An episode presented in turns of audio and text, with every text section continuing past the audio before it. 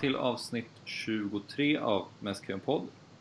Idag är det jag, Axel Inslander och Ruben Barron och Marcus Bring. Välkomna båda två. Tack, tack. Tack Axel. Eh, hur eh, mår ni? Ja, eh, väldigt bra. Det är kul att landslagsuppehållet är snart. Mm. Ja, fan. Tack gode gud för det. Ja. Det är verkligen... Jag tycker... Jag satt i och för sig och tittade på Frankrike-Tyskland tyckte det var, det var en jävla bra tryck. eh, Och det kan väl finnas en korrelation mellan Uefa Nations League och det, men annars har det varit så. Som vanligt ett mörker. Mm. Eh, Men jag mår bra annars. Eh, Så det var kul att podda. Jag är taggad. Spanien blev överkörd av England. Ja, Ja. eller det blev 3-2 till slut dock. Eller hur? stämmer. Men, Överkörda första halvlek kanske man ska Ja, precis. tillägga. Nej, men jag såg inte den matchen, så det tycker jag mycket väl att det var så. Hur många Barca-spelare var involverade? Ja, det är ju bara Busquets va? Den här gången. Är, Inte ens eh, Sergio Roberto va? Den här gången. är det så? I och med att han är skadad. Eh, Ja, just det. Ja. Mm. Men, eh, och Kanske Alba, jag säger fel. Alba är ju petad av Luis Enrique. Ja. Ja, superpetad. Ja, hur konstigt är inte det? Kan vi röra eller liksom prata om det? Ja, det är alltså, riktigt sjukt. och det är, ju, det är ju på grund av deras relation. Ja. Det har ju varken Enrique eller Alba velat bekräfta såklart. Men, men eh, jag såg att eh, eh, Alex Vidal gick ut i någon intervju och kommenterade det och sa att de har en komplicerad relation och att det är därför som... Att Men hade ni, jag hade ingen aning om att det var så här toxic. Nej, faktiskt så frostigt. Det, det framgick inte riktigt under den rika perioden. Verkligen inte. Verkligen inte. Det förstod jag ingenting av. Men det är ju helt bisarrt. Alltså, Ja, det- Alba är ju världens bästa vänsterback. Ja, det Enrique också. Han är ju lite av en bluff faktiskt. Alltså, vi, vi älskar honom och han, han, han var rätt man på rätt plats, men lite bluff ändå. Men, men. Ehm, men den matchen hemma mot England, eller eh, nej, borta mot England på Wembley var det va? Då så spelade ju Spanien fantastiskt. Och de har ju haft några sjuka matcher också med honom. Men eh, de verkar vara lite upp och ner. Mm, jo, Men eh, det är ju så Luis Enrique är. Upp och ner. Hawaii. ja verkligen. Hawaii. Hawaii.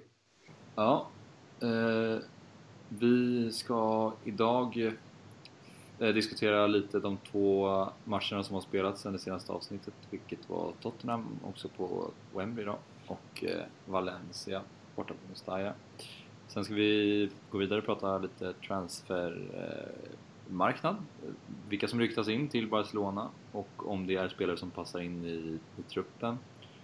Och eh, prata ytterligare lite om våra nyförvärv som faktiskt är i truppen och hur det går för dem och vilka som har eh, sett bäst ut och vilka som inte får spela och så vidare. Men vi börjar med de två matcherna som har spelats så vi kan, och vi kan börja med Tottenham-matchen som ju var en väldigt bra match ur många eh, perspektiv. Luis Suarez var bra, Messi var ju givetvis bäst av alla. Eh, vad tycker ni om matchen och vad tar ni med er från den? Det första var väl att det, att det var en superprestation baserat på vad man sett tidigare under säsongen. Det var ju verkligen en rejäl höjning jämfört med allt vi sett innan. Och det kom ju helt rätt läge i och med att det vart väldigt knackigt matcherna innan. Så det behövdes ju en sån där urladdning för att få lite optimism kring, kring hela säsongen igen. Och nu är det lite medvind, trots allt. Trots att det är typ fyra raka utan vinst i ligan. Så det känns ju ändå bra. Och han tweakade ju på startelvan och ombalanserade lite. Mm. Så jag tycker, jag tycker det kändes skitbra. Ja, nej, jag, alltså, första halvlek tycker jag var, var säsongens bästa halvlek. Eh, med råge till och med, eh, faktiskt. Sen med det sagt var det väl det svårt att veta ska man, hur mycket ska man tillskriva Valverde, hur mycket ska man tillskriva det faktum att Arthur fanns där bara. Jag tycker, jag tycker hela den här, den här lite nya, ja, men den uppåtgående trenden, man kan dra en rät linje mellan Arthur och den uppåtgående trenden faktiskt. Jag tycker att med honom där, liksom oberoende av Valverdes taktik, för jag tror inte att han har tweakat på så mycket, utan det, det är just med Arthur där så finns det bättre förutsättningar för att liksom trilla Men det är bort. väl en tweak i sig Jo, i och egentligen, för sig, det är klart det är en tweak, men det, nej, det har du helt rätt i. Men, men jag tycker, det är svårt att liksom... Ska man omvärdera, eller i vilken utsträckning ska man omvärdera Valverde? som en följd av det. Det, det är Nej, liksom där jag... jag, jag, Nej, det, det är väl kanske det jag syftar på snarare. Men Ja. du har rätt, det är klart att det är sig en tweak. Helt rätt. Och, men men det, är- det är ju så otroligt härligt att se honom bara. Det, det, är liksom, det blir ju sån... Det blir helt annorlunda dy- dynamik på det där mittfältet. eh, Så. Mm. Men sen, för att återkomma till matchen så... Nej, Messi väldigt bra. eh, Om än inte så mycket bättre än vad han annars är. eh, Om att döma av liksom reaktionerna. Så. Mm. Men eh, han var ju väldigt bra. Suarez tycker jag har varit bra på sistone, inte bara i den matchen. Jag tycker att han har varit väldigt, så det har visat att hans pressspel är otroligt viktigt. Eh, och spel utan bollen, och, trots att han inte gör så mycket mål. Eh, men det, var, det var en skoj match. Sen tyckte jag väl att Tottenham spelade ganska, var rätt dåliga och liksom sättet på vilket de till exempel släppte vänsterkanten och Albas löpningar, det tycker jag liksom Ja. det det- alltså vet man inte det, att Messi och Alba har den typen av connection, då, liksom, då är det ju kört. Alltså, Trippier. Trippier hade det jobbigt. ja, men det, och han liksom, det var ju så stor yta där. Det, det var så konstigt bara. Det, men eh, nej, en, en eh, skoj och bra match. Eh. Pochettino eh, sa ju efter matchen att den påverkades av det tidiga målet och Joris tavla. Mm. Eh, Ja. Det går ju att diskutera men det var ju också som du säger, det var ju Alba som liksom fick väldigt, väldigt mycket yta på vänsterkanten. Så att det, upp, det läget ens uppstod väldigt tidigt. mm, Jag tycker, ja, precis. jag tycker det, det känns som att eh, det syntes väldigt tydligt att det var en viktig match för Barca. De ville visa att eh, de fortfarande är ett väldigt bra lag. Det känns som att de var mycket mer taggade än vad de har varit under många matcher i ligan. De har, ibland eh, känns det som att de har svårt att komma ur det här ligalunket och, och verkligen Ja. köra liksom. Det blev väl ganska klart också när Messi hade löpt mer på första tre minuterna han har gjort på alla matcher tillsammans än så länge den säsongen. Ja. Det är dödspress från sekund ett från honom. Mm. Och då är han ju så, alltså, jag tycker väl att han var lite bättre i Spurs-matchen än han vanligtvis Även om han alltid, alltså han är bäst alltid. Men... Jo, men det var han. Det håller jag väl kanske med om också. Faktiskt. Ja, Det man, hänger, det man hänger upp sig på är ju just det här när, när folk, och jag skrev om det lite och du och jag har pratat lite om det Axel, det att, man liksom vänd, att folk vänder kappen efter vinden så, i sån extrem utsträckning. Det, och det håller vi ju alla med om såklart. Eh, eh, Sådär. Men det är ju faktiskt framförallt i England och, och utomlands. Så jag tycker vi i Sverige är ändå lite bättre på att eh, vet, ha lite is i magen. Men Ja. Det här att han ena i somras var han ingenting och nu är han bäst någonsin. Det, liksom, det, finns, ingen, nej, det finns ingen logik i det där. Ja, men man blir faktiskt trött på det. Eh, fotbollsfantaster eh, fantaster generellt har ju väldigt, väldigt kort minne liksom. Mm. Så i, i eh, somras när Ronaldo hade gjort sina, sin, sitt, eh, sitt hattrick mot Spanien, då var det, liksom, då var det klart. Han är, Ja. han är GOAT liksom, det finns inget annat. Eh, Ja. Och Messi brände straff mot Island eller vad det var. Och, eh, sen så, så här, man vet ju att de behöver bara göra en till topprestation. Om, om, när Messi gjorde sitt mål där, om det var mot Nigeria i den där viktiga matchen, då var ju han tillbaka lite grann. Att, ja, men, jag tycker det är helt Mm. hopplöst. Det är bara att kolla på deras grundkvaliteter och så man utgör därifrån. Man kan inte basera det på prestationer höger vänster. Alltså alla, alla spelare gör ju bättre och sämre matcher liksom. Mm, Messis. Messis eh, jämnhet är ju ändå betydligt högre än vad allt så här, tycker jag. Men eh, kanske inte ska fastna i den diskussionen. Men jag tycker det är tråkigt att, att eh, också att han, han måste prestera på en internationell plattform för att det ska ge någon form av eko. Ja, verkligen. Och vi, vi ska som sagt inte fastna i det, men jag, jag, bara, jag såg så att, eh, och det har jag säkert sett också, det eh, Frans Fotboll som, som ju delar ut Ballon d'Or la upp en sån omröstning om ja, vem som ja, folket tycker ska vinna priset. Då var det liksom Messi med en, det var jordskredsseger för Messi i den om, omröstningen. Han hade över 50 procent liksom, när de sen stängde den omröstningen. Ja. Och det är, så här, det är glädjande, för vi tycker han är bäst, men det är också det, det sammanföljer med Tottenham-matchen, det sammanför med Ronaldo-grejerna som har, som har kommit Ja. upp på sistone. Och, och han hade, för att liksom... Det är ju mycket timing. Det, ja, och han hade liksom knappt 5 tror jag om jag minns rätt. Och det är ju inte heller rimligt. På något Nej. sätt. Alltså förstår ni, det, det, det, det där det är ju talande för tidevarvet vi, vi lever i lite grann. Den omröstningen tycker jag. Mm. Så. Mm. Ja, jag håller med. Men eh, har ni några andra tankar kring eh, Tottenham-matchen som ni vill lyfta? Ja, Mm. Eller ska vi gå vidare till... Det känns som så sjukt länge sedan. Ja, det känns som att det var ett tag sedan. Eller det var det.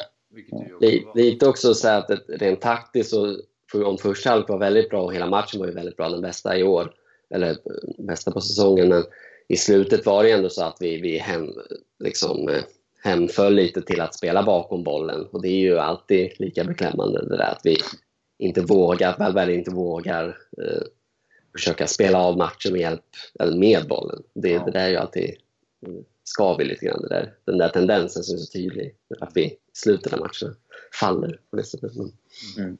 men det får man väl köpa bara. Vi, vi kan väl i alla fall stanna lite vid eh, Arthur som vi pratade om. Han Mm. eh, var ju faktiskt briljant. Och eh, han är ju en sån spelare som, som behövs i laget. Det är ju lite märkligt att han inte har fått spela mer ändå. Han har ju fått spela men han har ändå inte fått spela så mycket som man kanske hade hoppats. Mm. Tänker jag. Men, men eh, det, här var i alla fall ett, ett kvitto på att han är högt prioriterad med tanke på att det var en stor match. Ja, det, sen finns det ju något liksom... Han har ju gradvis nu, alltså med facit i hand nu, så har han ju liksom gradvis eh, slussat in. Och det, jag kan tycka att det finns något smart i det, att ta sin tid med unga, väldigt lovande spelare och sådär. Men det bygger på att de faktiskt gradvis slussas in. Jag menar, vi, vi kommer ju vi kommer ju återkomma till fallet Malcolm senare, men, men liksom, jag kan tycka att det ja, det finns ändå en smarthet att inte bara kasta in en väldigt ung och erfaren spelare i dem, i dem direkt. Men, men, men det är klart, nu när han har fått spela lite, det är ju, han är ju det vi har behövt. Mm. Det vi har tjatat om i flera år nu. Han är ju precis det. Så det är ju, det är ju att det tog så här lång tid är ju, är ju under all kritik att hitta en sån spelare. Men det är ju, Men det kan ju faktiskt vara värt väntan, för likheterna med Xavi är ju alltså, slående. Det är ju ja, det är sjukt alltså. Det är- alltså, löjligt vissa gånger. Jag tycker nästan att han ser... Och jag, det är många som har så här, dragit sig för att dra stora växlar och det är smart. Man, man ska vara lite, ha lite is i magen. Men jag, jag, när Xavi var 21-22, inte fan hade han kommit så långt. Nej. Alltså, det finns nästan, jag kan tycka nästan att han att det finns fog för att dra riktigt stora växlar här. Alltså, Ja, det ser han har kommit väldigt långt för att vara så väldigt ung. Alltså, Xavi tog, det tog ju ett tag innan Xavi blommade ut till en riktigt stor spelare. Iniesta, där gick det fortare men inte så fort riktigt. Alltså, han, han har kommit rätt långt. Det är ändå värt att understryka tycker jag. Ja. Ja men det, det, är det, det är det jag tänker just med honom. Alltså jag kan köpa att unga spelare ska slussas in. Eh, men han är ju ändå, vad är han, är han född 96?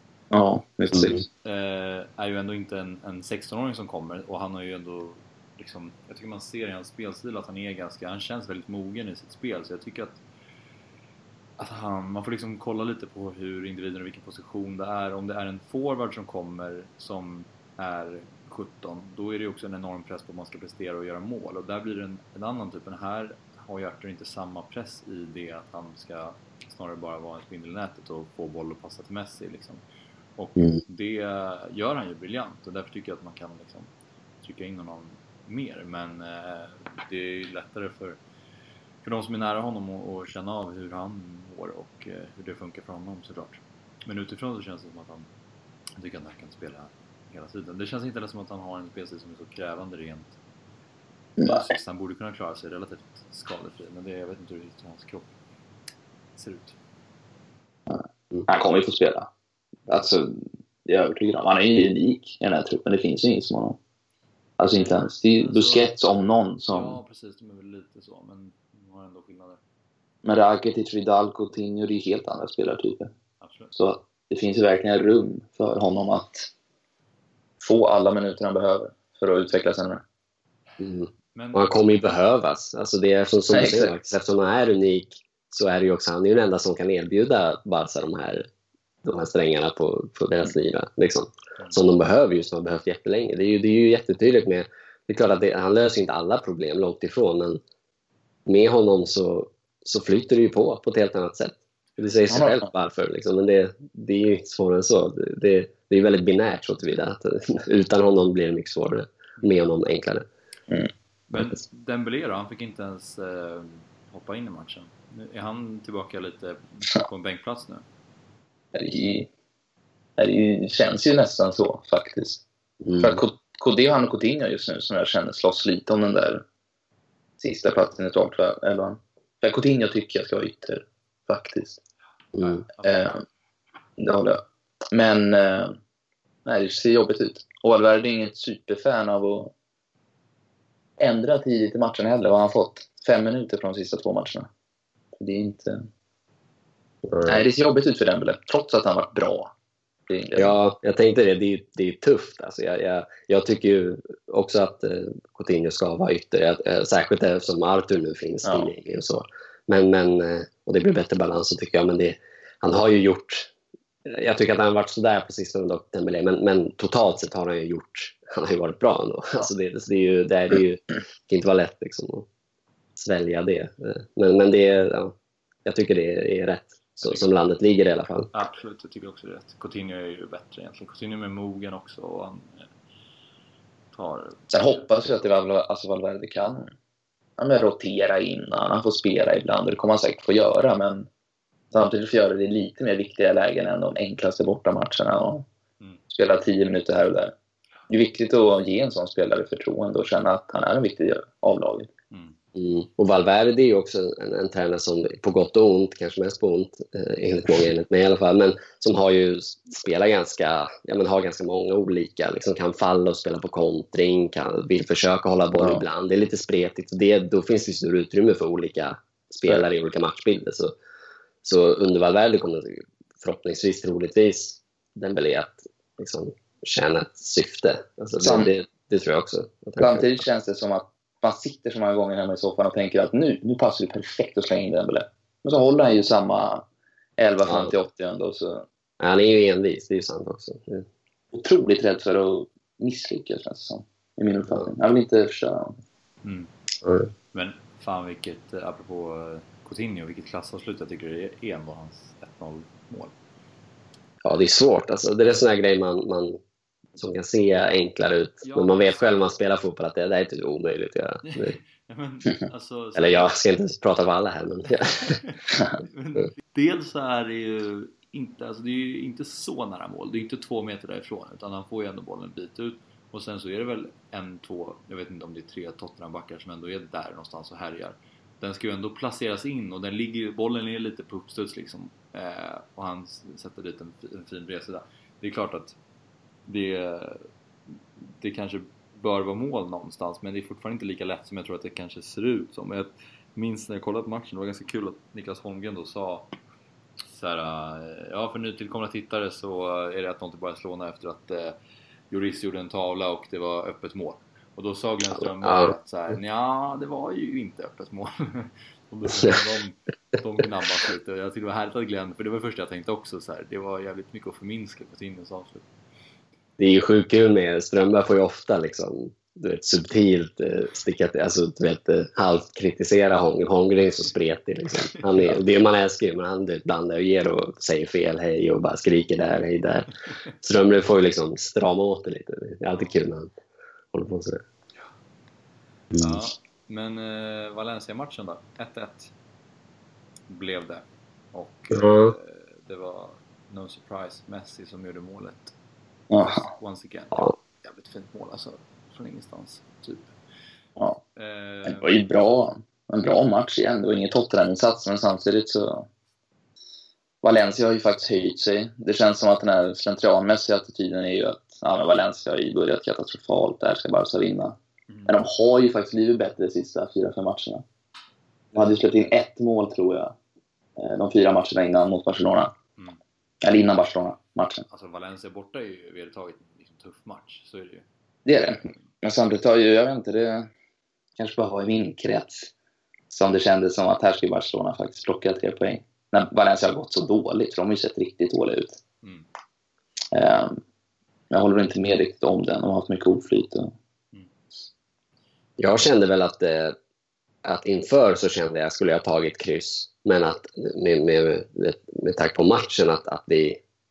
Där och då satt jag och kände att äh, fan, det här ska vi ta. De är rätt svaga Valencia. Jag tycker trots att de låg så lågt och, och jag tycker att vi, om det skulle varit lite högre, alltså lite mer kreativitet, lite bättre mönster brytande så skulle vi ha tagit det och vi borde ha tagit den matchen. Alltså. Men, men sen å, å andra sidan, jag, jag tycker samtidigt att det var en rätt bra och insats och att, att jag tycker det är klart att det är lite att göra med att Valencia låg så lågt och inte pressade högt men det var ändå ett Barca jag tycker om att se. Eh, det var bolltränare, Artur var där och det, det var tålmodigt. Det var inte så jävla kreativt och det är ett problem men, men det är liksom ett problem det som vi har pratat om tidigare, det här, det, den typen av problem vill man ha nästan för det betyder att Barca är bollförande och kontrollerande och, ja. och det vill man ju se. Liksom. Sen får man ta itu med det senare problemet kanske, att, att man också måste göra mål och bryta mönster. Och sådär. Men hellre det än att inte ha bollen och kontrollera. Men, men jag kan hålla med om att det, vi, vi, borde ha tagit den matchen ändå, känns som med facit i hand. Faktiskt. Där ville man ju ha in en som typ Dembele. Ja, kanske. Alltså. kanske. Mm. Eller jag tyckte i alla fall Barcelona gick in i väggen ganska tydligt efter timmen ungefär. Ja, men lite så. Det där saknades ju X-faktor framåt lite. Men det kom ju inget byte förrän i 84. Sen är det ju som vanligt alltid en sån avvägning där att man, ja, man får in X-faktor och då plötsligt tappar vi bollen mer och då kontrar de in 2-1. Liksom. Men å andra sidan tycker jag Valencia var ju ganska uddlösa efter att Edis gick ut efter ja, 12 minuter. Ja, de var det. Men jag, där håller jag med. Där skulle man kanske slängt in honom. Ja. Eh, faktiskt. Men det var en ganska rolig match. Det var ändå... Det kändes som Barca igen på något sätt. Eh, trots att det var lite utlöst och segt emellanåt. Om det hade varit förra säsongen så hade det ju varit... Det hade inte varit Dembélé som kom in då. Då hade det varit Paulinho som kom in och köttade. Ja, jo. Och, eh, I och för sig, han är ju också djupledslöpande på sitt sätt, så det skulle ju också vara rätt sätt att byta. Men... På ett sätt så skulle man ju... Alltså, Vidal skulle ju kanske kunna kommit in där och förändra någonting. Han är ju väldigt mycket tvåvägsspelare. Liksom. Ja, exakt. Det är det, det jag tänker lite med Pauli. Det, det, det, finns ju olika sätt att bryta mönster på. Mm. Ja, men är det någonting mer ni vill tillägga till eh, från Valencia-matchen som ni tänkte på? Jag känner väl spontant att Lenglet ska lyftas fram. Jag tycker han har varit jättebra i Umtitis frånvaro. Till skillnad från Piqué faktiskt. Lenglet har ju överglänst honom på alla plan. Han spelade ju dock inte mot Valencia, då var det ju Fermanen. Men eh, mot, mot Spurs då, tänkte jag generellt. Mm. Eh, hans uppspelsfot är ju briljant faktiskt. Han betyder väldigt mycket för, för laget och han är ju verkligen en... När man har det här Barca DNA som folk gillar att nämna. Mm. Mm. mm. mm men verkligen. Det är, jag tycker fortfarande kanske, än så länge, trots eh, Pikés eh, svajande form så tycker jag fortfarande att det är Piqué och Umtiti som ska spela. Men, ja, eh, gud, det är inget snack om det. Nej. Men det finns ju något att jobba med där. Ja, men verkligen. Och det ser mycket bättre ut än vad jag tror. En bra, alltså det, det känns ju som en tryggare eh, reserv mittback än till exempel eh, vad heter han? Nu tappade han, eh, tappade, eh, Mina. Ja, det gör jag. Jo tack. Mina. Ja, det är inte ordet, det är inte trygghet man liksom... Det är liksom inte ordet som kommer upp när man tänker. Men eh, jag, Lenglet är ju, han är, jag tycker han ser skitbra ut. Verkligen. Jag håller med om allt ni säger. Han, han är så, så bolltrygg och, och, ja. och modig. Han, känns väl, han är ju ung också. Men mm. man får ju nästan intrycket att han är äldre för att han känns så lugn med bollen och, och tekniskt. Så det, det, nej, där har vi något. Absolut. 95 ja. Ja, 95. Ja, vad gammal man känner sig alltid. mm. Men eh, ja, eh, sidospår, hur, hur, går det för våran eh, Everton-trio egentligen? Eh, Nina, Gomes och Ding. Det är väl bara Ding som får spela. Gomes är lite skadad och sådär. Ja, det går ju käpprätt åt helvete. Det, det är ju så enkelt. Det, ja, men det är någonting att Mina har ju någon mystisk skada som jag inte vet särskilt mycket om. Men han är ju skadad. Och Gomes är väl också skadad? Eller? Gomes är skadad, det är mycket rehab eh, Instagram stories på honom i alla fall. Men man tänker bara vilken jävla lotto att de köpte tre av våra usla. Alltså, det är så... Nej, det är ju för bra för att vara sant att en samma klubb bara, vi, vi tar alla tre. och betalar relativt okay. mycket pengar för dem. Men jag tycker ändå, alltså jag tror ändå de är ganska i linje med klubbens kvalitet. Jag, jag tycker, om de hade varit skadefria kanske de ändå hade kunnat bidra på något sätt tror jag. Jo, det är sant. Men det var, ändå, det, det var ganska mycket pengar. Alltså la de inte ändå... I och för sig, det Premier League, de har ju så mycket pengar, alla Premier League-klubbar å andra sidan. Men Nej, det, var, det var i alla fall skönt att bli av med dem, så kan man säga. Men det vore Sen, kul, eh, håller jag med. håller med. Men det vore kul att se Gomes och, och Mina göra några matcher i Everton, se hur det går för dem. Hur de står sig. Ja, och Mina har ju något. Alltså, det får man ju säga. Gomes har något också, men, men du vet, där har vi en ganska rejäl uppförsbacke ändå, eh, sett i de senaste åren. Men, men eh, Mina, han, han tror jag kan, han kan ju absolut blomma ut till något speciellt. Jag menar, VM är VM och så, men han, han visade ändå upp ganska... Han var ju rätt bra alltså, och har ju någon sorts spets i och med sin enorma storlek. helt enkelt. Ja. Han är rätt bra. Då lämnar vi Valencia-matchen där och går in på transfermarknaden. Det ryktas ju om en del spelare, dels de två holländarna. Frankie de Jong, säger man va? Jo, men Det är ju inte A, det är E. Ja, exakt. Bra namn. Frank. Ja, sen har vi eh, Delict, Delict, Delict. Matisse, det är världens svåraste namn. Ja, det, du kommer inte få någon facit från min sida. Ja. De två tycker vi kan beröra. Sen, eh, Roberto Firmino, Liverpool, kan han vara någonting för klubben? Sen tänkte vi kunde prata lite om Neymars återkomst. Hur ni skulle ställa er till det. är han välkommen tillbaka eller inte? För nu har det pratats lite om att han tröttnar på PSG och han saknar sina vänner i Barcelona och så vidare. Och så vidare. Men eh, börja med de Jong då. Har ni sett honom någonting? Vad tror ni? Han eh, är ju väldigt ung så han är ju lovande liksom. Mm. Jag har sett rätt mycket på honom just för att, eller av den enkla anledningen att jag tycker att han är suverän. Alltså han är verkligen otroligt bra tycker jag. Eh, alltså jag, jag kan inte, Jag har inte sett någonting så jag kan inte nej men alltså titta på honom. Och jag menar, gå in på Youtube och titta på honom. Så där, han, han är otrolig. Alltså Okej. jag tycker verkligen, och nu kanske jag överord här, men, men jag tycker liksom, han är den mest lovande mittfältaren i, i världen. Alltså, Okej. tycker jag. Det, det, med, med liksom, kanske i sällskap med ett par, tre stycken andra som jag inte kommer på nu. Men, men liksom, jag tycker han är verkligen är där uppe och, och jag tror han skulle passa perfekt i Barca. Eh, Antingen som en sittande, eh, men han kan även i liksom Busquets roll, men han har även andra strängar. Han kan flytta boll på ett sätt som inte Busquets kan också. Sådär. Och bryta linjen lite grann. Men, nej, men han skulle, det är han, tänker jag, ty, eller tycker jag, handen i handsken där. Där borde man satsa på. Om Sen är ju, sen, honom ja, vad sa du? Barca, vem skulle du säga då? Vad sa du? Om du Om, skulle jämföra honom med en annan spelare så man kan få en bild av hur han spelar. Ja, alltså han är ju... Mm. Alltså han är ju mer sittande än till exempel Arthur. Alltså, så, Mer så där, sittande. mer sittande, så, Okej. så mer lik Busquets i den bemärkelsen. Men han är också mer, kan som sagt flytta boll på ett sätt som Busquets inte kan. Mm. Det är väl den närmaste beskrivningen av det. Jag har svårt att hitta någon spelare. Du kanske kan hjälpa mig Marcus, men hitta någon Ja, exakt spelare så. Han har ju så otroligt brett eh, Han har ju verkligen det. Han kan register. Liksom. Det, han har ju faktiskt spelat mittback ganska många matcher också. Mm, Trots att han är så. Han är ju ganska klen, ganska liten. mm. Eh, Men, men otroligt liksom, bara, jag kan vända på en femöring. ja, Alltså, han är och att han är sanslös. Ja, han är verkligen, titta på honom också, för det är verkligen, Det finns en video på Youtube som heter Frankie de Jong Welcome to Barcelona. Ja. den typen av videos Jag finns har det ju. då. missat det, men han är ju klar tydligen. För fem månader Ja. ja. Det är, men men om, man, om man liksom tar Delict, eller hur man uttalar det, Mm. han, han ser ju också väldigt bra ut. Otroligt bolltrygg. Och han är ju väldigt ung. Han är ju typ, vad är han? 18? Ja, 99. Ja, det är ju helt sjukt. Alltså. Han ser så otroligt färdig ut. Honom har jag tittat på en del också. Men, men jag tycker väl... Och där är ju lite, att vi har ju lite mer på det torra på mittbacksfronten. Eh, trots att det nu pratas ju om att vi, vi definitivt måste ha en mittback eftersom alla mittbackar är vänsterfotade och det ligger något i det. ju. Mm. Men, eh, men eh, jag tycker väl att trots att Arthur har kommit in nu och gjort sitt så, så tycker jag att mittfältsfrågan är viktigare totalt sett. Liksom. Jag tycker till och med att nummer nio-frågan är viktigare än mittbacksfrågan. Så jag skulle snarare, om jag skulle välja mellan en av dem skulle jag välja de Jong. Ja. Också för att jag tycker han, ser så, han är så otroligt bra. Faktiskt.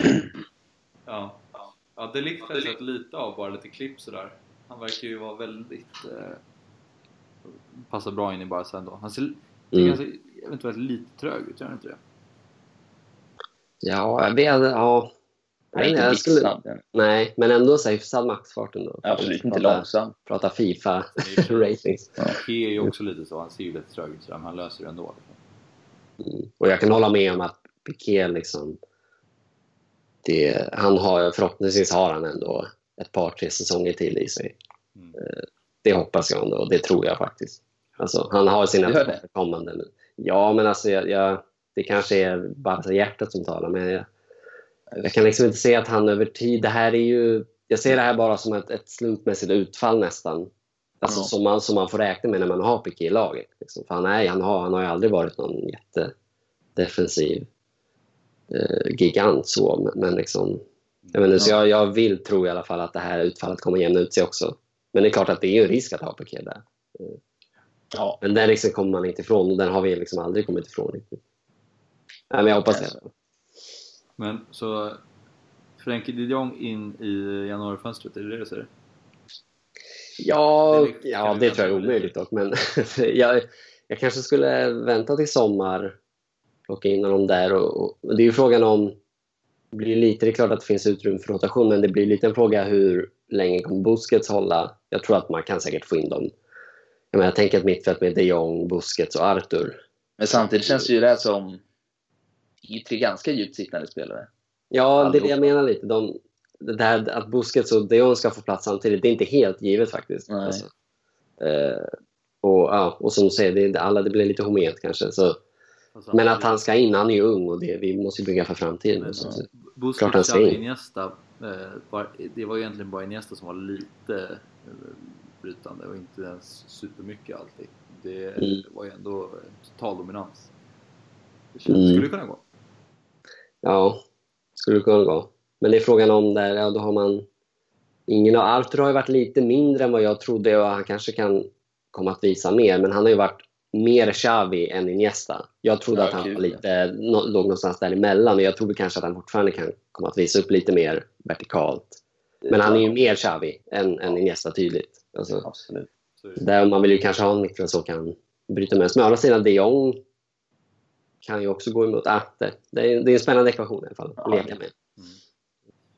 Men eh, om vi eh, lämnar de två då. Roberto Firmino in, Suarez ut. Ja, kör, tycker jag. Ja. Det, det, det enda med reservation för, att, för Firminos målskytte, för det är ju verkligen, vi har ju, man vill gärna ha, vi har ju haft sedan ganska länge haft alltid en nia som gör en jävla massa mål. Och det är ju, säg så helst, att det, det är ju viktigt. Men i, spelmässigt så tror jag Firmino kan passa in perfekt. Han är ju Samtidigt liksom- känner jag inte han... Han är ju väldigt... Han är inte den här killen liksom.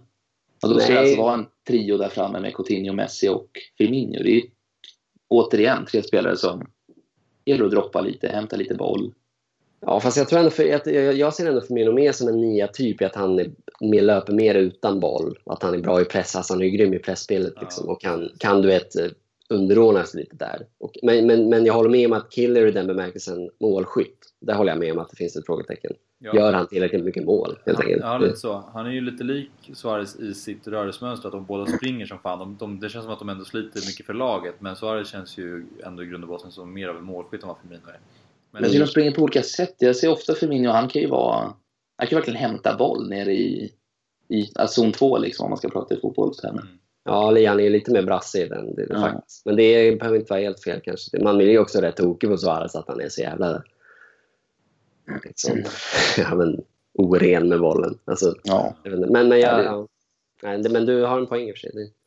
Ja. Men eh, jag tror ändå att så här, när man spelar med, eller när man spelar nia i Barca kontra nia i Liverpool. Nu har ju Liverpool ett väldigt bra lag visserligen, men alltså alla kan ju göra mål med de spelarna runt omkring. Så visst, med tanke på att det är sån possession också, det blir ju många målchanser per match. Nu har det Mm. blivit kanske färre än vad det var för några år sedan, men det är fortfarande mm, oftast en, en ganska klar dominans i matcherna. Och så här. Jag tror att han har ändå det, så, det spelsinnet att kunna linka sig fram med, med Coutinho och Messi till exempel. Mm, jag tror väl också det. Sen är, han också, är väl det också en, en rimlig värvning.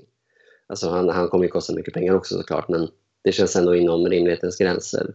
Jag menar, vi kan ju inte... Det är ju gränsfall att vi kan få loss de allra bästa niorna nu för tiden. Alltså, Mm. faktiskt. Så då måste man ju lite ta från en, en lite lägre hylla, tyvärr. Harry, Harry Kane, intressant eller inte? Ja, jag tar ju hellre Kane än Firmino, men den är ju orimlig. Den skulle Ja, alltså- flera miljarder. Alltså, det Ni skulle göra tusen mål i Barca, så det tror jag Ja. faktiskt också. Tror du det? Ja, det, och, jag, och jag tror han känns ju inte som en Barca-typ. Han är inte en Barca-typ. Men det är just det där, vi har ju alltid haft ett stort behov av nior som, som är annorlunda, som bidrar med annat. Liksom. Med bollspelare runt omkring sig som faller och droppar. Och ja, jag tror han skulle vara...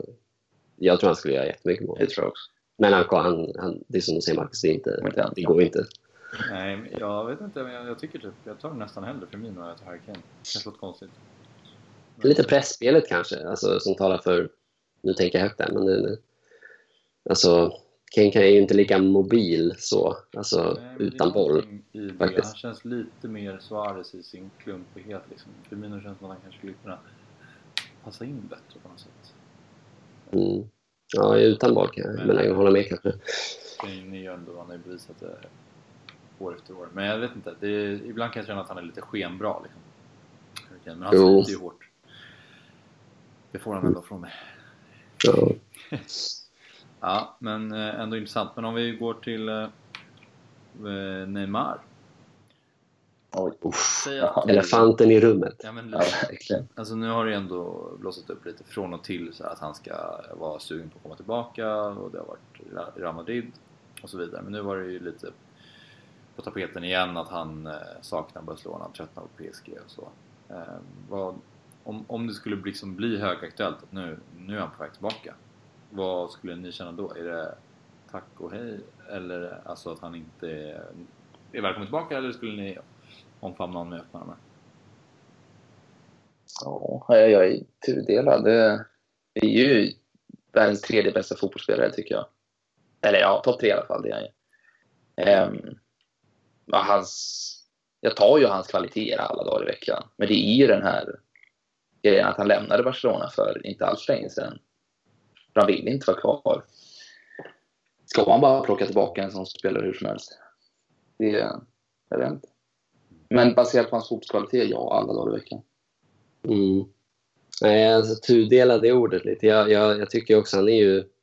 Jag har liksom inga problem, eller jag känner inte lika stor utsträckning som andra väldigt hardcore Barca-fans att, att han har bränt sina broar. Det känner inte jag heller faktiskt riktigt så.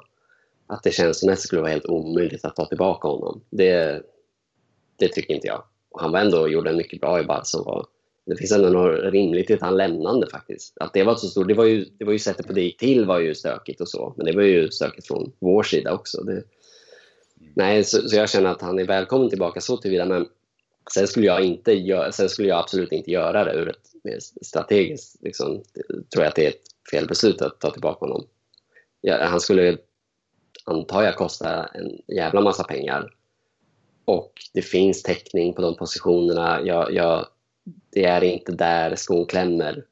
Liksom. Det är inte det vi behöver rätta till. Jag, jag, jag tror bara att den ekvationen går liksom inte ihop riktigt totalt sett. Även om jag tycker att han är grym och har inga, ser ingen, inte att det är omöjligt att, att han skulle få ta en plats i vårt lag så känslomässigt. Men nu, nu har vi ju liksom köpt lite unga spelare här och ta Malcolm till exempel. Ja, han, att, han, är Neymar bra, det, det vete tusan. Det, om han ens kan bli det. Men, alltså, och Dembélé, och, ja, det, och just att han, det faktum att han skulle kosta så mycket pengar. Alltså, och det pengar behöver ju, vi, vi har ju, det finns ju behov på andra, det finns andra behov som vi behöver lägga på, pengar på helt enkelt. Av den anledningen skulle jag inte köpa honom. Det finns alltså inget riktigt lätt svar på den här frågan. Nej, nej, men jag ser inte att det finns utrymme för honom riktigt. Nej, Alltså, just nu känns det ju lite överflödigt nästan. Eller alltså, men han skulle gå in i, i startelvan men eh, det skulle ju innebära andra som inte får spela och det känns ju... Då skulle man ju Jo. behöva göra sig om med kanske Dembélé. Ja, och det skulle ske på, eftersom det skulle kosta mycket pengar, skulle ske på bekostnad av andra värvningar vi skulle kunna göra. Mm. Ju, oundvikligen. Och det, det känns, nej, inte helt okej. Ja. Men jag tycker folk är väldigt, folk är väldigt tuffa i sin, sitt, liksom, det här att kategoriskt avfärda honom som en, en Judas. Liksom. Det Ja. tycker jag är lite, lite fånigt. Alltså, faktiskt. Jag, menar, det, vi, jag, minns, jag minns det, vi pratade om i podd. Det var, ju liksom, det var ju nästan underförstått att han skulle lämna förr eller senare. Mm. Alltså, det... det nej, det, det köper jag inte riktigt. Men jag tror inte att det kommer bli aktuellt om jag ska vara helt ärlig. Nej, det tror jag faktiskt inte. jag heller. Alltså. Real känns ju mycket rimligare, tycker jag. Real Madrid. Där Mm. tror jag att den hamnar om jag ska gissa. Det är väl det att kanske Mbappé har seglat upp som Real Prio. Det skulle väl vara det i så fall. Men han känns ju som att han är typ omöjlig att läsa ut. Alltså det måste ju Ja. vara så dyrt. Så.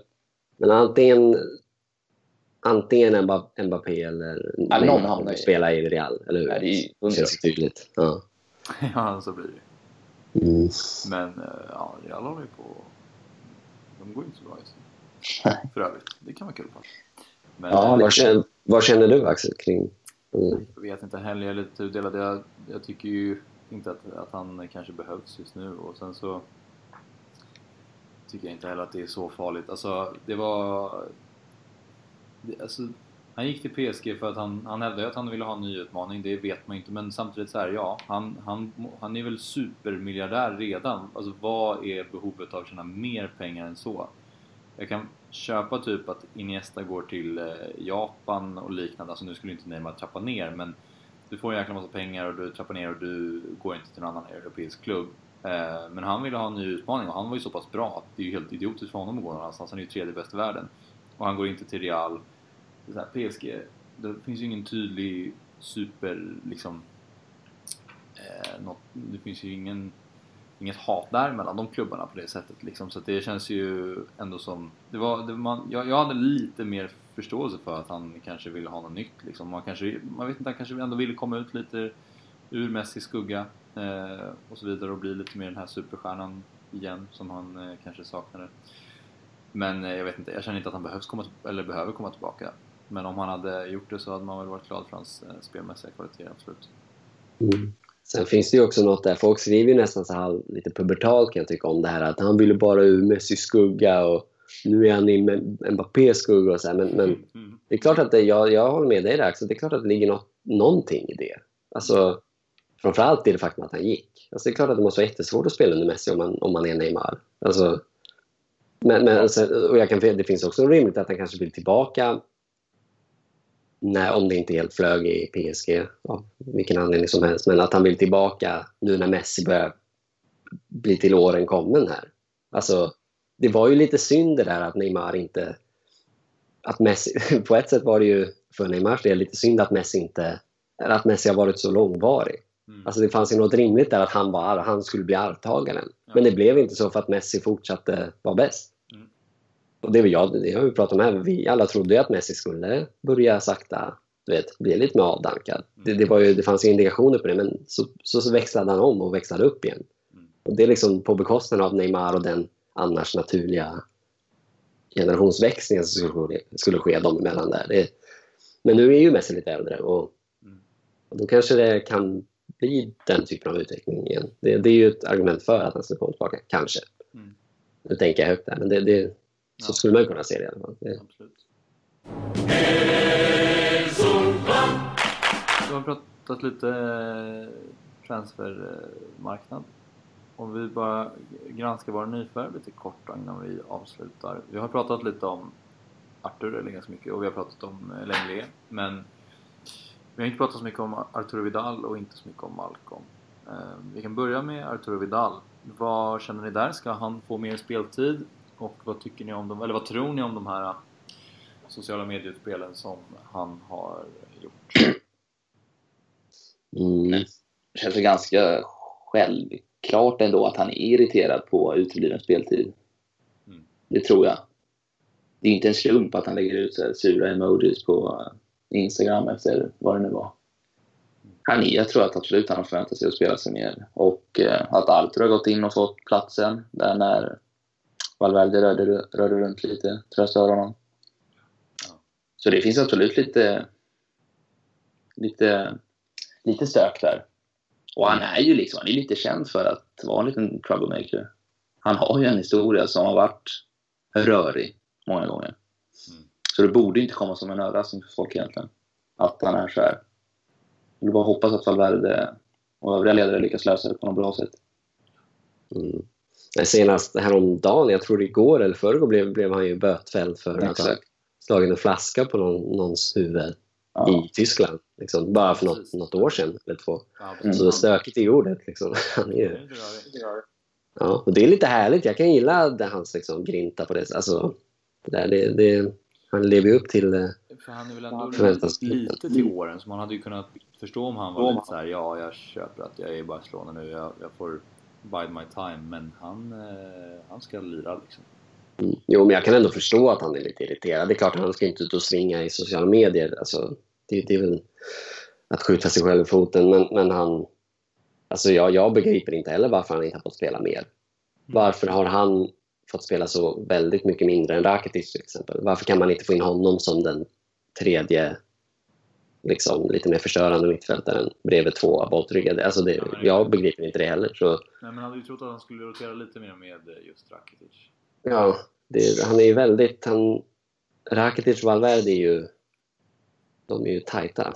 Alltså, han, han gillar ju Rakitic onekligen. Alltså, Jag men jag, jag förstår inte det. Jag, jag tycker han ska, borde ha fått mer speltid. Mm. Eh, Faktiskt. För att spela in honom om inte annat. Jag menar, jag, jag vill tro och hoppas att han kan komma att spela en ganska viktig roll i, i de ett avgörande, när det verkligen bränner till. Då saknar man ju lite en Arturo Vidal. Som i Roma-matchen till exempel. Och jag menar, han måste ju få slussas in som alla andra för att han ska kunna spela den rollen över lång tid. Det, det, så är det ju bara. Jag har inte siffror på det, men känns det inte väldigt mycket som att Valverde... Han har sin core av 12, 13, 14 spelare som spelar hela tiden i stort sett. Mm. Alltså verkligen 90-95 procent av minuterna. Mm. Och sen har vi de här ströspelarna som spelar då och då. Och Vidal har inte hamnat bland de här 13-14 huvudspelarna. Liksom. Han är ju där utanför. Mm. Han är ju man 15, 16, 17 i gruppen just nu och där det är inte rimligt faktiskt. Nej. Nej. Och det är ju ett problem att han är så envis i den, i, i den bemärkelsen. Ja. Alltså, att han inte, och det, det, det går ju, går ju att applicera på den där ungdomsproblematiken, liksom, att, han inte, att han inte släpper upp spelare underifrån. Det är ju av samma skäl. Det, det, är ju, Ja. det är ju en effekt av det också, tyvärr. Så det, är- det, det är ju ett problem att han är så. Det är det. Mm. Mm. Vad tycker ni om, han har ändå spelat lite, vad, vad, hur, hur har han sett ut tycker ni? Han var bra senast. Nu kommer jag inte ihåg vilken match det var. Men det var ju någon match när han var... Han spelade Han gjorde assist. Bilbao i alla fall. Eh, Var det då? Då blev det 1-1. Då blev han utbytt i 55 minuten mot Messi som satt på bänken. Mm. Då gjorde han den snygga assisten där. Det var, det var den matchen. Det var den? Ja, det var den tror jag. Eh, Okej. Till Suarez, va? Eller hur? I djupled. Jaha, nej, det här var... Nu var jag... Nej, Mot Bilbao blev det 1-1. Det gjorde ju Monir mål. Precis, Monir gjorde mål. Men då gjorde. Messi. Jag var helt snett på det där. ja. Ja. Någon match var han bra i alla fall. Ja, men just det. Det var ju mot, eh, det var mot Girona när Lenglet blev utvisad. Då såg det ju faktiskt bra ut fram till Mm, det röda det. kortet. Och, Det det var en bra match. Alltså, och det var ju Artus startdebut i ligan i alla fall. Och han var bra då också. Just det, 2-2 blev det. Ja. Ja, Mm. Men vi pratade lite om den matchen förra avsnittet. Det var, det var, en, eh, det var en bra halvlek. Jag håller helt med dig Ja. där. Alltså, och det, de, de, de fick ju kritik för att det, och det, och sådär. Men det, det var ju det röda kortet som stökade bra. till det där. Det var, en riktigt, det var den bästa halvleken då, tyckte jag, på säsongen. Men jag, jag tycker väl att det, han har spelat lite för lite för att man ska kunna bedöma hans, alltså att, hur viktig hans det här tuffa spelet är. Jag, jag, jag, har lite, jag vet inte, jag kan liksom inte bedöma riktigt. Jag tror ju i teori att, han, att hans egenskaper kan komma att bli viktiga och kan användas på ett bra sätt. För att få till en bra dynam- dynamik på mittfältet och laget. Men det, det, det är lite för tidigt än. Eller det, ja, det är omöjligt att dra någon sån slutsats egentligen. Mm. Faktiskt. Tyvärr. Ja, men jag håller med. Vad, eh, avslut, avslutningsvis då. Om vi eh, pratar om Malcolm. Mm. Han får ju inte så mycket speltid. I princip Nej. ingenting. Wha- What's that about? Ja. Vad fan händer? Nej, men han, det, det, ja, han har ju tagit det med ro och sådär, men där, där finns det också fog för att vara lite irriterad. Det, Hans agent Det gick ut och ja. sa att, eh, för det har ju ryktats lite om att han ska bort då för att han inte får spela någonting. Och att Mm, han sa att just. men Malcolm är nöjd, han, han eh, kommer vänta och köra på liksom, han kommer få sina chanser. Och det känns ju bra. De säger så och hoppas att det är så. Eh, men det har ändå gått ett gäng matcher och han får ju spela någonting. Man vill ju se honom. Men han lider ju lite av att hans optimala position är ju högerytter, vika in, Ja, vara kreatör, skjuta. Men där är, där är ju Messi liksom. Det går ju inte att göra något. Och då ska han spela en lite ovan roll som vänsterspringare. Och där är både Coutinho och Dembele före. Så det är en Ja, det, jättejobbig kon- konkurrenssituation. det är ju mer att alltså Messi är ju så jäkla versatile så han skulle ju kunna hoppa in och lira, eller liksom så här, utgå lite mer från en... Han kan utgå från kanten men sen komma in lite mer, så kan Malcolm komma in där bakom. På något Ja. sätt. Det borde ju gå att mixtra till det, men åtminstone, alltså det är ju det sekundära, men det primära är ju att han inte får spela någonting nästan. Det, är ju, Nej. det, är, det, det känns lite konstigt. Nej, jag ser inte hur det ska ändras heller. Valverde är ju så... Om Vidal spelar 15, då är ju Malcolm spelare 23. Liksom. Han är ju långt bort Mm. från 11 just nu. Nej, men hela den där värvningen känns ju lite, lite överflödig. Och det där konspiratoriska, att det ska vara någon hämnd mot Roma, det är ju nästan som man tänker att det är sant. Alltså. Mm. Han är ju också ung. Jag- tycker det är synd, eller jag tycker det är märkligt att han inte har i åtminstone vissa matcher gått, gått före Dembélé i pecking order. Liksom. Jag, jag, att han har fått göra det inhoppet som Dembélé emellanåt har fått göra. Alltså, framförallt där tycker jag att det är helt... Det är, liksom, ja, det är klart Dembélé ska ha sin spelet också. Det, det är ju det är hårda beslut man måste ta. Men det, Mm. jag tycker det är väldigt synd, för jag, jag tycker att han är riktigt spännande. Alltså, det, nu, nu skrivs han nästan av som en, ja, men som en lovande spelare som inte håller måttet riktigt. Jag, tror att, alltså, jag, tycker, jag tycker att han är riktigt bra, det lilla jag har sett av honom. Mm. Ja. Det är verkligen, det här wastear vi en, en stor talang om det fortsätter så här. Ja. Det är synd alltså. Och jag tror väl också att eftersom Messi är så vandrande liksom, att, och så kommer ner så djupt och spelar så centralt att det skulle kunna, man skulle kunna finna dem på den högerkanten ändå. Alltså, kanske. Det, Men Det är upp till Valverde då, men det känns som att han är så ovan och det här är hans första stora klubb. Han har ju haft, vad är det, Bilbao, Valencia och sådana där liksom, nivån under. Man har inte samma bredd på truppen, du har inte samma... Du måste inte rotera lika mycket. nej, Nu måste du det och du har inte klarat det än, tyvärr. nej, nej, så är det onekligen. Och frågan är hur, hur stort tålamod Malcolm kommer att ha. Vidal för den delen också, men, men Ja. Framförallt Malcolm som ju måste få speltid nu. Han är ju Ja. vad är han? han är 21, 22 liksom. Det är nu han ska Ja, ta det här klivet. Och det, är- ja, det, det återstår att se, men det... Ja, Ja. om jag var hans agent skulle jag inte vänta för länge, alltså innan jag började fingra på Nej, faktiskt. försäljning eller utlåning. Men framförallt försäljning kanske. Samtidigt så är det känns Ja, är vi? än så länge är det ju inte bråttom. Eller liksom, Nej, nej, men- det, är ju, det är ju fortfarande första säsongen, det har gått några matcher liksom så att vi får avvakta och se. Men eh, om mönstret fortsätter då känns det ju lite tråkigt och då undrar man ju faktiskt om vad det är som, vad det är som händer. Mm. Var han inte skadad också några... Jo, han var skadad. Ja, men det var det bara en vecka eller två tror jag. Det var liksom ingen Ja, stor grej. Så. Men det var han faktiskt, det ska, man faktiskt nämna. Det, Mm. några gånger var han inte tillgänglig. Jag tror att han missat tre matcher på grund av skada. Mm. Så då... Det är ändå tre matcher liksom. Ja. Ja, det är ju Så. det är en spelsommar. Vi får vänta och se. Eh, En sak bara med, med transfer, om jag får sticka in några grejer bara. Ja. Med det här, det här mäktiga ryktet som har börjat florera att vi ska värva Branislav Ivanovic. det har inte jag hört om. Nej, det, har, och det, det skrivs ganska mycket om det. Alltså, ja, men liksom förhållandevis mycket. Att i och med att vi har sån backkris, vi kör en Henke Larsson Man United-lösning fast med Ivanovic. Det skulle ju vara Sjukt mäktigt. På något sätt. Skit? Vad fan? Ja, alltså vad, vad ska Ivanovic in och göra? Alltså. Vilken jävla guldbiljett det ska vara för hans del. Ja, Som han får en just Zenit tror jag. Okej. Eh, Sankt Petersburg. Men eh, ja, det är ju... Backkris, det är ju inte, det är ju inte backkris. Nej, det, nu är det ju, exakt just nu är det det. Men, men, Fast vi har ju ändå, eller Ja. vilka, vilka positioner tänker du är utsatta liksom? Nej, men alltså, i och med att vi har så mycket skador helt enkelt. Ja. Alltså, det är bara därför. Det är enbart därför. Ja. I stort, alltså sett i truppen vi har så är det ju inte backkris alls. Mm. Men det är ju bara exakt just nu så ju, har vi ju bara eh, Piqué och Lenglet. eh, Helt enkelt. Och Malen? Ja, men han är ju Ja, skadad Ah, också. just det, just det, förlåt. förlåt. Ja, Så det är såklart han är. Ja. Landslagsuppehåll, man visste ju. Det var ju bara en sorts... Man väntade bara på beskedet. Men, så det är ju bara därför. Men det är ändå... Jag ska ändå det är ändå värt att nämna. Men, men Eftersom in, det är så magstarkt. vi borde ta in Ivanovic på eh, sju dagars kontrakt. Ja, exakt. Han får bara pay, vad är det, play and pay. Så pay for play. Han får en tour runt Camp Nou och sen Ja. tillbaka. Ehm, ja, men om vi ska avsluta då. Eh, Jag tänkte att vi ska, ni får eh, tippa Barcelona-Sevilla. Inte helt lätt match med tanke på att Barca har varit så mycket upp och ner och Sevilla är ett bra lag och eh, de, eh, eh, leder de La Liga. Ja, Mm. Det gör det de. gör de. Så att, eh, seriefinal. Men vad, eh, vad tror ni? Vad blir det? Det är match på lördag. 20.45. Ja. Jag tror Barcelona vinner. Men målrikt. Ja, men eh, ge, ge mig ett resultat. 3-2 Barcelona. 3-2. Mm. Ja, eh, så säger jag 3-0 till Barca. Jag tror de läppar upp lite grann.